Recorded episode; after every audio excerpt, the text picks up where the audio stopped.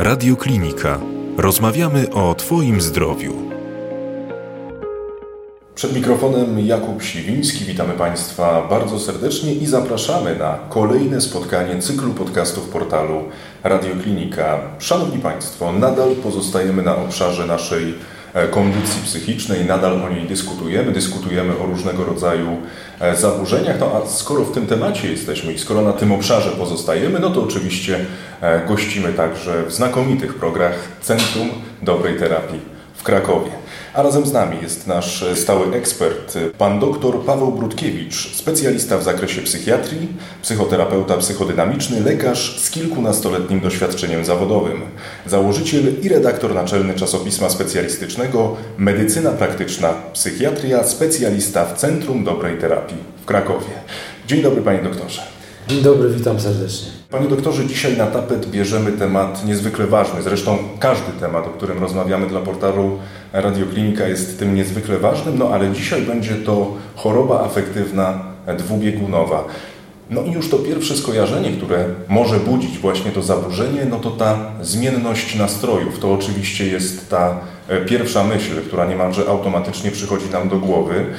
Ale Panie doktorze, podejrzewam, że to jest sporych rozmiarów uproszczenie. Zatem gdybyśmy mogli poznać tę rozszerzoną definicję tego zaburzenia już na początek naszej dzisiejszej rozmowy. E, można mówić o chorobie afektywnej dwubiegunowej, ale również uprawnione jest określenie depresja dwubiegunowa, dlatego że bardzo wiele przypadków choroby dwubiegunowej prezentuje się w ten sposób, że nawracają e, trudne do leczenia bądź wręcz lekooporne, jeśli chodzi o zastosowanie leków przeciwdepresyjnych, epizody depresyjne. Zdarza się, że one są przeplatane epizodami hipomaniakalnymi lub maniakalnymi. Często jest tak, że te epizody hipomaniakalne, czyli niewielkiego wzmożenia nastroju i aktywności, są krótkotrwałe i niezauważalne e, i bez dokładnego wywiadu nie są identyfikowane e, i, i pacjenci są często przez wiele lat leczeni z powodu depresji lekami przeciwdepresyjnymi. To leczenie przebiega z dużymi trudnościami, a okazuje się, że to jest e, depresja dwubiegunowa, czyli potrzebne są inne leki niż przeciwdepresyjne. Ale czy już i w tym momencie można zaryzykować tezę, że właśnie jeżeli mówimy o depresji, no to mamy jedynie te stany przygnębiające, te stany, można powiedzieć nawet fatalistyczne, defetystyczne. Natomiast jeżeli występuje zaburzenie afektywne dwubiegunowe, no to od tych powiedzmy przygnębiających stanów, no jesteśmy również możemy wyróżnić te stany niemalże euforyczne. Tak, oczywiście. Epizody hipomaniakalne lub maniakalne jak najbardziej w chorobie afektywnej dwubiegunowej się zdarzają i to odróżnia depresję dwubiegunową od jednobiegunowej. I to wpływa również na leczenie. Leczenie tych dwóch rodzajów depresji jest odmienne. Depresję tą klasyczną, jednobiegunową leczymy głównie za pomocą leków przeciwdepresyjnych. W przypadku choroby dwubiegunowej, czyli depresji dwubiegunowej, leki przeciwdepresyjne mogą być, najczęściej są nieskuteczne, albo wręcz mogą być szkodliwe, bo mogą powodować zmianę fazy z depresyjną na hipomaniakalną lub, lub maniakalną. I tutaj chyba chciałbym się najbardziej zatrzymać właśnie przy tych aspektach manii i przy aspektach hipomanii, no bo to są takie stany, które być może także i dla słuchaczy radiokliniki są stanami najzupełniej nowymi. Czym się takie stany, takie sytuacje e, charakteryzują? No bo kiedy ja także przygotowywałem się do tego dzisiejszego spotkania, no to Panie doktorze, kiedy składały mi się te różne czynniki, które są zawarte w tym haśle hipomania, no to pytanie, czy, czy, czy to nie jest też tak, że każdy człowiek sobie życzył właśnie takiego stanu, można powiedzieć nawet i permanentnie? Niewątpliwie ja bym sobie życzył, żeby takiego stanu doświadczać permanentnie, zwłaszcza, że gdyby nie był jakoś szczególnie nasilony, bo co to jest hipomania? To jest nadmiernie dobry nastrój, czasami to nie, nie jest rażące, prawda? To jest nadmierna kreatywność, nadmierna skłonność do kontaktów z ludźmi, do, do podróżowania, ale niestety też nadmierna skłonność, do, nadmiernie kolorowe ubieranie się, nadmierna rozmowność, jest cały szereg e, objawów hipomanii, no ale też niestety mm, nadmierne zakupy, nie, niepotrzebne nadużywanie substancji psychoaktywnych, ryzykowne zachowania w trakcie spotkań czy imprez towarzyskich. Natomiast faktycznie jak się czyta o hipomanii, no to chciałoby się taką łagodną hipomanię permanentnie mieć. To zgadzam się z Panem. Problem jest tylko jeden, że po hipomanii jest zjazd że to, przepraszam za kolokwializm, ale po hipomanii nie jest możliwe, żeby utrzymywać permanentną hipomanię, bo po hipomanii e, niestety często dochodzi, czy prawie zawsze dochodzi do pogorszenia i do pogorszenia depresyjnego. I zazwyczaj można znów również kolokwialnie powiedzieć, im większa górka, tym potem większy dołek. To jest związane z samą naturą zaburzenia dwubiegunowego, tej cyrkulacji, zmiany, zmiany faz w różnych przedziałach czasowych, ale też łagodna hipomania e, rzeczywiście może być stanem e, nazwijmy to w cudzysłowie pożądanym. Natomiast no, niejednokrotnie w czasie hipomanii a zwłaszcza w czasie manii, gdzie już ten nastrój jest y, nadmiernie wesołkowaty, nawet drażliwy, kreatywność jest irracjonalna, pomysły są irracjonalne.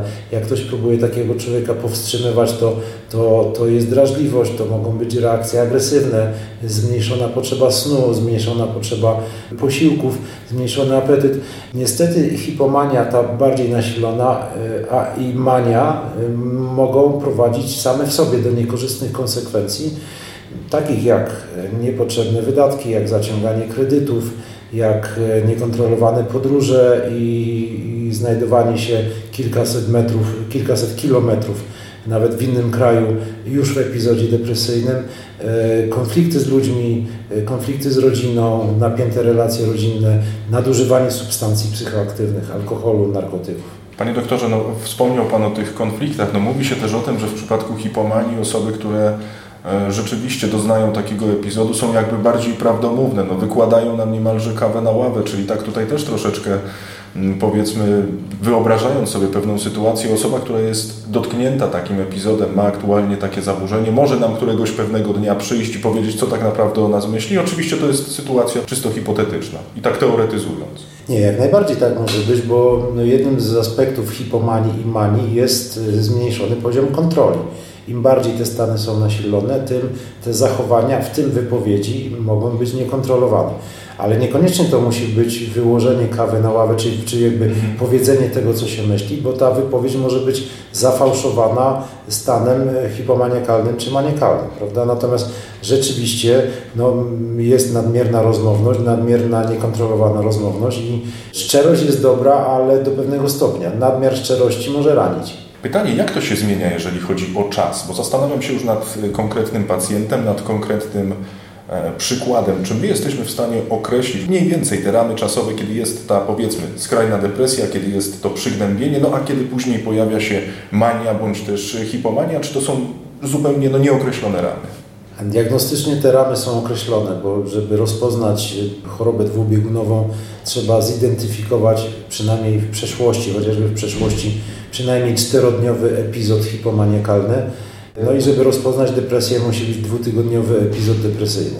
To, jest, to są te, te minimalne ramy. Natomiast e, bardzo często jest tak, że epizody depresyjne są dużo dłuższe e, i w trakcie życia pacjenta też bardzo często obserwuje się zmianę obrazu klinicznego, że epizody hipomaniakalne są coraz rzadsze albo wręcz e, ustępują, a zaczynają się wydłużać i dominować epizody depresyjne. Zatrzymajmy się przy osobach, które są potencjalnie zagrożone pojawieniem się zaburzenia afektywnego dwubiegunowego. Czy w ogóle możemy wyszczególnić takie cechy, taki typ osób, na przykład ze względu na płeć.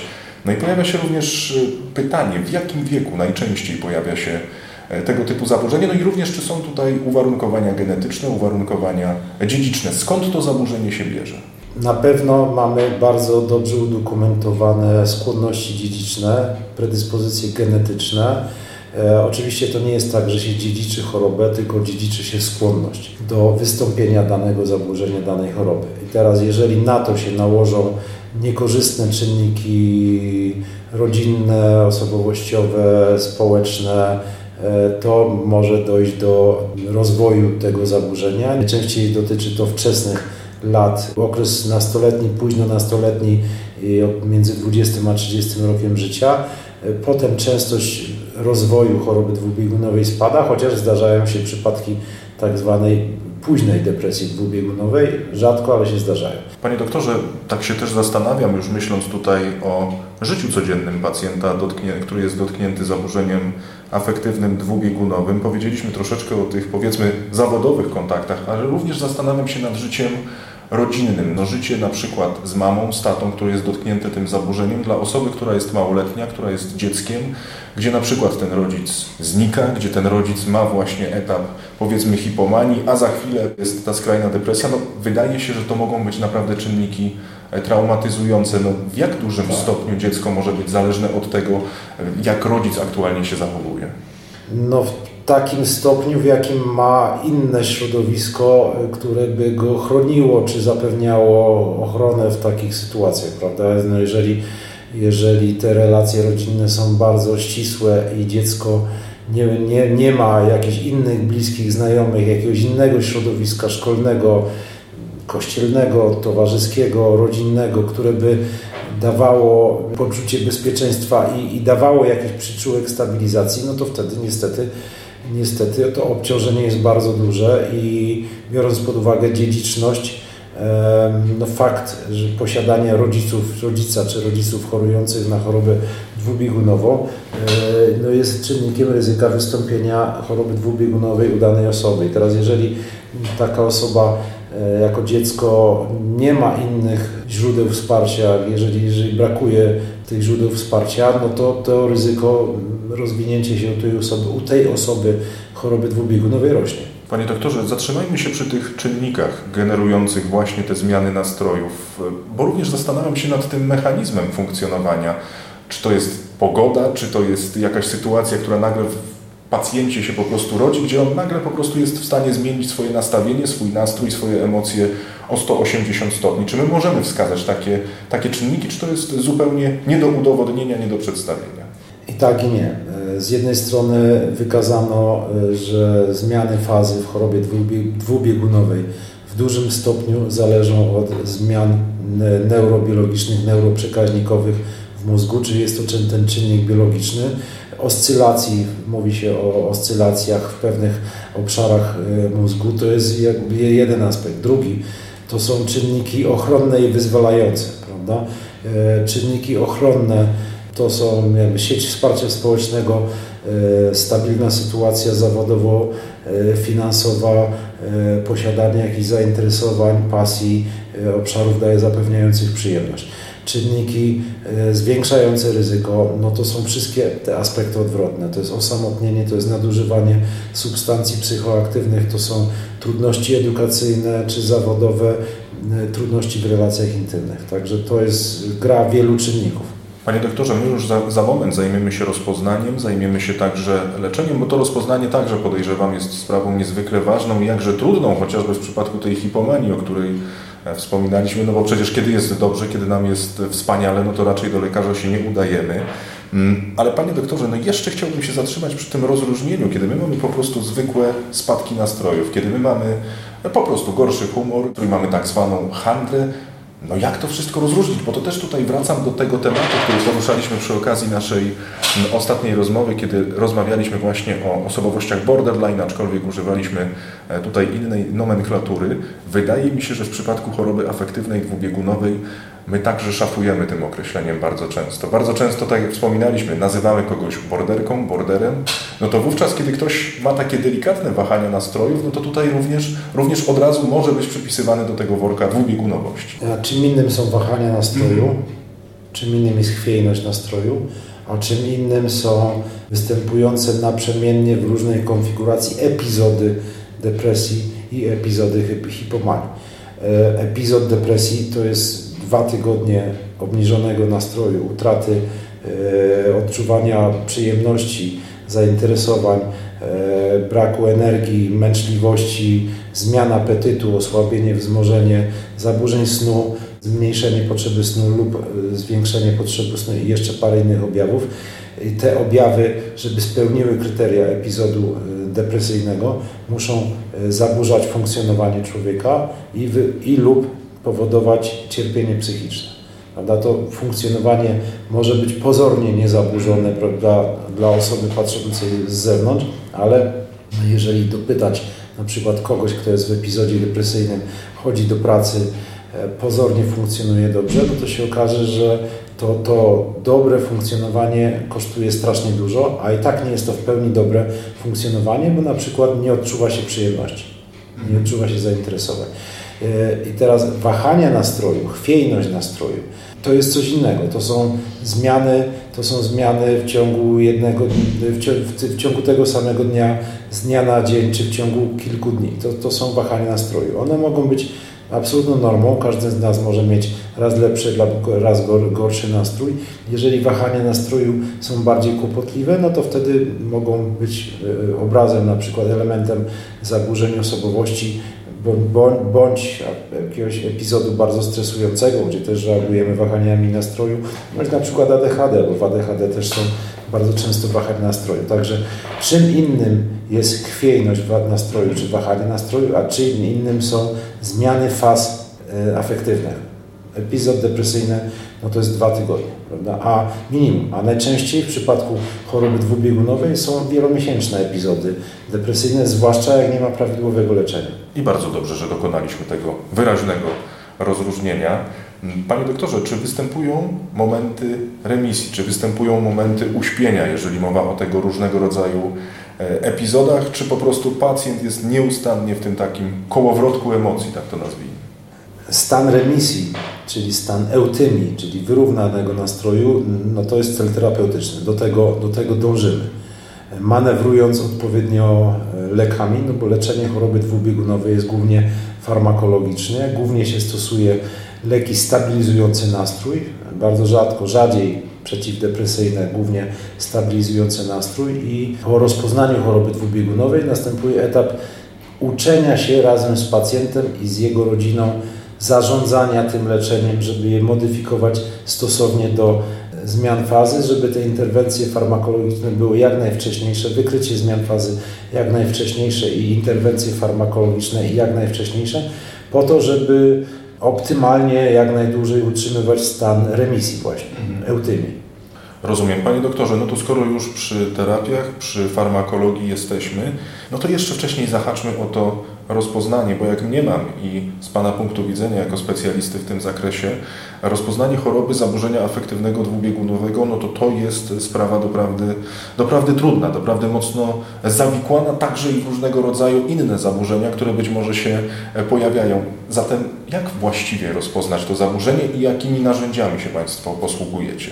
Rozpoznanie e, choroby afektywnej dwubiegunowej rzeczywiście może być trudne. Z tym się na przykład wiąże e, najczęściej wieloletnie opóźnienie w prawidłowym rozpoznaniu. Oczywiście dużo zależy od poziomu wykształcenia pacjenta, ale też od wyszkolenia lekarza i czujności, i czujności w trakcie diagnozowania pacjenta z depresją, bo najczęściej tutaj jest opóźnienie, że ktoś E, jest leczony przez wiele miesięcy czy czasami wiele lat niezbyt skutecznie z powodu depresji, a okazuje się przy dokładniejszym zbadaniu, że jest to depresja dwubiegunowa, czyli zaburzenie dwubiegunowe. Rozpoznanie choroby dwubiegunowej to jest rozpoznanie głównie kliniczne, czyli opiera się na y, dokładnym badaniu psychiatrycznym, czyli ocenie stanu obecnego oraz na dokładnym wywiadzie, jak dotychczas E, pacjent się czuł przez wiele lat, czy, czy były tylko epizody depresyjne, czy gdzieś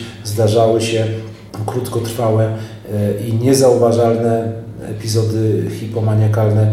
Epizody maniakalne rodzina i pacjent identyfikuje, natomiast hipomaniakalne mogą być przy niezbyt dokładnym, niezbyt czujnym badaniu pominięte.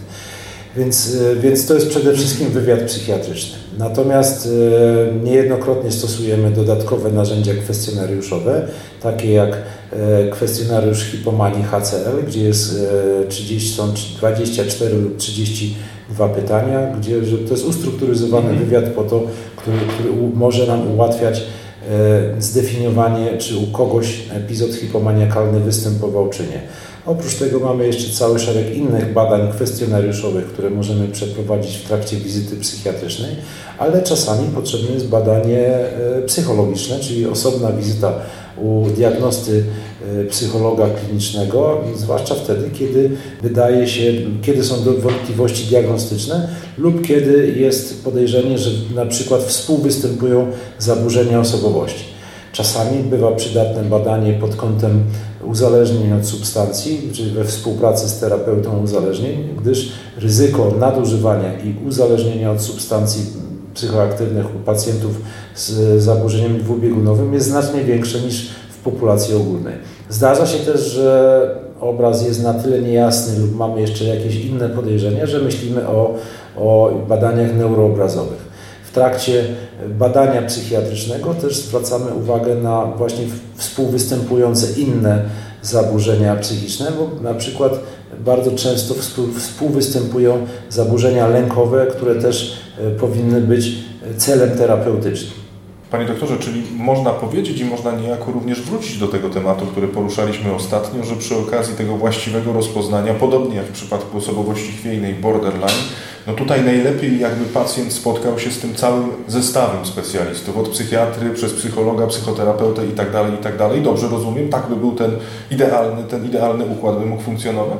Myślę, że warto tutaj myśleć, w ogóle warto myśleć elastycznie, prawda? Bo są pacjenci, których diagnoza jest stosunkowo prosta, u których nie ma zaburzeń współistniejących albo są łatwo identyfikowalne i ci pacjenci dobrze reagują na farmakoterapię, mają satysfakcjonującą sieć wsparcia społecznego i to wszystko idzie bardzo dobrze. Natomiast to są tak naprawdę rzadkie sytuacje. Tak naprawdę w przypadku zaburzenia dwubiegunowego najczęściej potrzebny jest jakiś rodzaj pracy zespołowej i na poziomie diagnostycznym i też na poziomie terapeutycznym, bo oczywiście fundamentem leczenia zaburzenia dwubiegunowego depresji dwubiegunowej jest farmakoterapia, ale jednym z bardzo istotnych elementów jest e, psychoedukacja mhm. pacjenta i jego rodziny, między innymi po to, żeby zmniejszyć, odbarczyć te osoby od obciążenia tym zaburzeniem, żeby lepiej poznały i lepiej sobie radziły na bieżąco, ale też, żeby pacjent razem z rodziną, rodzina razem z pacjentem wcześniej wykrywali zmiany fazy i na przykład, żeby nauczyć pacjenta zaufania do rodziny, która mówi, wiesz co, ale wchodzisz w hipomanię i idź, chodźmy do lekarza, bo jeżeli nie zmienimy leczenia, to to się źle, źle skończy i będziesz potem miał pół roku depresji. Panie doktorze, czyli z Pańskiego doświadczenia można także zaryzykować tezę, że na równi ważne jest to, jak edukować pacjenta, jak jego rodzinę. No i pytanie, kogo trudniej jest po prostu nauczyć tych pewnych zachowań właśnie w przypadku występowania różnego rodzaju epizodów? Nie ma tutaj jakiejś takiej wyraźnej reguły, natomiast no, to, co na pewno wiadomo, to jak osoba e, doświadcza epizodu depresyjnego, no to cierpi i wie, że potrzebuje leczenia. E, natomiast jeżeli osoba doświadcza epizodu hipomaniakalnego, no to wtedy najczęściej nie ma poczucia choroby, nie ma poczucia cierpienia i wtedy detektorem tego stanu mogą być bliscy. Może być otoczenie, które zauważa, że sprawy idą w złym kierunku. Także no, jeśli chodzi o psychoedukację w zakresie hipomanii, no to tu pacjenci oczywiście mogą taką psychoedukację przejść. Niektórzy z nich czujnie reflektują hipomanię, ale wielu niestety nie i wtedy no, trzeba polegać. Stąd właśnie jest zasada, żeby też edukować rodzinę i przekonywać pacjenta, żeby w sytuacji, kiedy rodzina zauważa, że coś jest nie tak, to żeby jednak, nawet jeśli się z nim nie zgadzają, to żeby jednak iść do lekarza, żeby u lekarza zweryfikować obecny stan i ewentualną potrzebę modyfikacji leczenia. Panie doktorze, wróćmy do tematu właśnie leczenia, wróćmy do tematu e, terapii, farmakologii itd., tak itd. Tak Pan już troszeczkę, a właściwie to sporo na ten temat e, powiedział, ale gdybyśmy mogli w szczegółach powiedzieć, o jakiego typu lekach my aktualnie mówimy, no i pytanie, czy mogą one spowodować e, jakiekolwiek skutki uboczne, o jakiej formie terapii mówimy także. No i tutaj także warto zaznaczyć, że zaburzenie afektywne dwubiegunowe jest nieuleczalne. Tak? To, o czym Pan również wspominał. Możemy jedynie doprowadzić do delikatnego bądź też większego uśpienia. Ja bym to doprecyzował. Możemy doprowadzić, dążymy do tego, żeby mm, osiągnąć stan remisji, czyli mm. braku objawów, e, braku dysfunkcji, co nie oznacza, że nie ma choroby. Ona jest, ale jest pod kontrolą. Leczenie choroby dwubiegunowej. No, Powiem szczerze, że to po prostu z każdym rokiem staje się coraz bardziej fascynujące, dlatego że mamy coraz więcej rozmaitych nowoczesnych leków, które możemy dobierać do indywidualnego pacjenta, e, ale też do e, danej fazy u danego pacjenta. To są głównie leki stabilizujące nastrój. Depresję dwubiegunową leczy się przede wszystkim za pomocą leków e, nie przeciwdepresyjnych, tylko leków stabilizujących nastrój, czyli takich, które zmniejszają ryzyko zmiany fazy. Teraz e, oczywiście każdy lek ma swoje e, zalety, ale równocześnie swoje wady, czyli każdy lek ma jakiś profil swoich korzystnych działań klinicznych, ale również ma profil działań niepożądanych. Cała sztuka farmakoterapii, nie tylko choroby dwubiegunowej, ale przede wszystkim polega na tym, żeby odpowiednio wykorzystywać e, te profile dla danego pacjenta, dla danego momentu. Czyli powiem tak kolokwialnie, no jeżeli mamy pacjenta pobudzonego w przebiegu hipomanii czy też manii, no to stosujemy leki stabilizujące nastrój o potencjale uspokajającym. Jeżeli to będzie epizod depresyjny, to one mogą już nie być tak e, korzystne i tak atrakcyjne i wtedy możemy zastosować leki stabilizujące nastrój, aktywizujące. W zależności od tego, jakie występują działania niepożądane i jakie jakie dany lek może mieć działanie niepożądane, staramy się tak dobierać, żeby te leki tak dobierać, żeby te działania niepożądane były jak najmniej uciążliwe, no bo wtedy jest większa chęć do kontynuacji farmakoterapii, albo wręcz czasami staramy się wykorzystywać e, te działania niepożądane na korzyść pacjenta, czyli na przykład jeżeli któryś lek działa sedująco, czyli, czyli uspokajające, to może być szczególnie korzystny u pacjenta, który e, ma zmniejszoną potrzebę snu, czy, czy, czy w przebiegu choroby dwubiegunowej lub którego współwystępuje bezsenność. Wtedy możemy te działania niepożądane wykorzystać jako, jako e, efekt farmakologiczny. Panie doktorze, zmierzając do końca naszego e, dzisiejszego spotkania, Pan oczywiście jako wieloletni specjalista w zakresie różnego rodzaju zaburzeń, czy może się pokusić o pewien zestaw rad, zarówno dla rodzin, e, które no, współistnieją z osobą, która właśnie takie zaburzenie, zaburzenie afektywne dwubiegunowe, no musi się z nim borykać, jak i również dla osoby, która jest dotknięta tym zaburzeniem. Czy w ogóle istnieje taki zestaw, zestaw porad, być może no, różnych wskazówek, które mogą no, niejako, niejako uspokoić i sprawić, aby to życie było no, jak, jak najlepsze po prostu? Jak najbardziej. Poza tym, żeby zadbać o to, o, zadbać o, o, współpracę z dobrym specjalistą, który będzie umiał wprowadzać i nauczyć się razem z pacjentem jego farmakoterapii, nauczyć pacjenta i rodzinę, jak manewrować tą farmakoterapią, to e, w przypadku e, i zarówno i dla pacjenta, i dla bliskich e, bardzo ważna jest wiedza. Wiedza, jeszcze raz wiedza. Czyli poznanie tego, jak, jak czym jest choroba dwubiegunowa, jak może przebiegać i jak przebiega u danej konkretnej osoby. Wtedy łatwiej jest sobie radzić e, ze zmianami fazy. Przede wszystkim łatwiej jest je wykrywać wcześniej. Jedną z celów, jednym z celów i założeń psychoedukacji w chorobie dwubiegunowej jest e, wykrywanie uda, udanego, wykrywanie udanego pacjenta pierwszych objawów zmiany fazy. Czyli jakie na przykład e, ktoś jest w stanie remisji, jest w stanie eutynii i zaczyna się u niego zmniejszać potrzeba snu.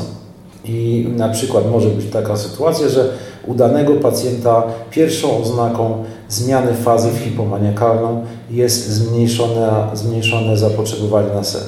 Czy na przykład w epizodzie y, depresyjnym y, ktoś zaczyna odczuwać męczliwość, senność w ciągu dnia i Chodzi o to, jak zresztą w całej medycynie, chodzi o to, żeby daną niekorzystną zmianę wykrywać jak najwcześniej i jak najwcześniej interweniować i w przypadku zaburzenia dwubiegunowego jak najwcześniej zmieniać leczenie. Oczywiście mamy pewną grupę pacjentów, którzy idealnie reagują na jak któryś z leków stabilizujących nastrój. No takim lekiem, który często daje takie efekty z LIT, gdzie jest y, spora populacja pacjentów z depresją dwubiegunową, którą, którzy są tak zwanymi golden responders, czyli świetnie reagują na lit i po włączeniu litu uzyskuje się wieloletnie remisję z jakimiś drobnymi wahnięciami, drobniejszymi wahnięciami. Natomiast u wielu pacjentów no, ta farmakoterapia z natury rzeczy jest dynamiczna w zależności od fazy. I im wcześniej się wykrywa zmianę, tym łatwiej jest wprowadzić, skute, wprowadzić skuteczną kontrolę tej zmiany fazy, żeby nie doprowadzić, żeby nie, nie dopuścić do destrukcji, czyli żeby epizod depresyjny nie rozkwitł e, w pełni i nie wyłączył człowieka z życia, albo żeby epizod hipomaniakalny nie, też również nie, nie rozpętał się na tyle, że ktoś na przykład znowu weźmie e, jakieś olbrzymie kredyty, czy, czy narobi sobie szkody zdrowotne, czy, czy w relacjach e, rodzinnych, intymnych. Czyli wykrywanie, reagowanie i zaufanie. Myślę, że I tak to. I współpraca. współpraca. Dokładnie tak. I bardzo dobrze, że jeszcze Pan doktor... Żeby, jeszcze jedno do tego dodam właśnie, bo żeby była współpraca, to musi, musi być wzajemna wymiana informacji, jak leki działają, co dobrego, co niedobrego, komu e, przeszkadzają jakie działania niepożądane. Jeżeli pacjent nam relacjonuje działanie niepożądane, oczywiście my czynnie dopytujemy o to, ale, ale też ważne jest, żeby pacjenci, żeby pacjenci, żeby rodzina zgłaszali działania niepożądane, bo my jesteśmy w, du w dużym stopniu w stanie optymalizować leczenie, zmieniając dawki czy rodzaje leków, żeby te działania niepożądane, e, żeby, żeby, żeby nie występowały lub żeby nie były uciążliwe. I wtedy chęć do współpracy z natury rzeczy jest lepsza. Panie doktorze, jeszcze jeden wątek mi umknął, a dobrze, że pan doktor o tym wspomniał, mianowicie co się dzieje z pacjentem, jeżeli takie zaburzenie po prostu nie jest leczone, jeżeli na przykład występuje ten epizod hipo, hipomaniakalny i, i tak jak o czym wspominaliśmy, no jest euforia, no to dlaczego iść do lekarza? Jeżeli pacjent nic sobie kompletnie z tego tytułu nie robi, że to zaburzenie występuje, do czego to może doprowadzić?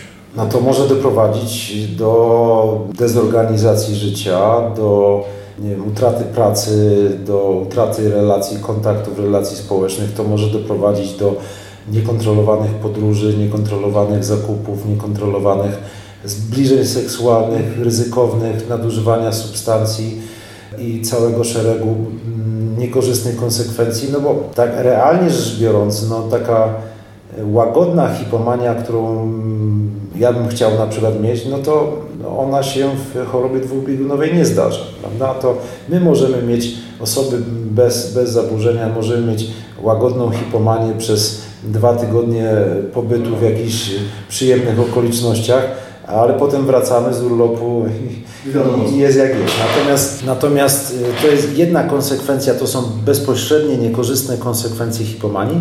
Druga to jest to, że każda hipomania się kończy depresją. Trzecia niekorzystna konsekwencja, już taka bardzo długoterminowa, jest taka, że wiadomo, że nieleczona choroba dwubiegunowa, nieleczona depresja dwubiegunowa wiąże się z narastającymi uszkodzeniami mózgu. Leki, które stosujemy w chorobie dwubiegunowej, zapobiegają temu.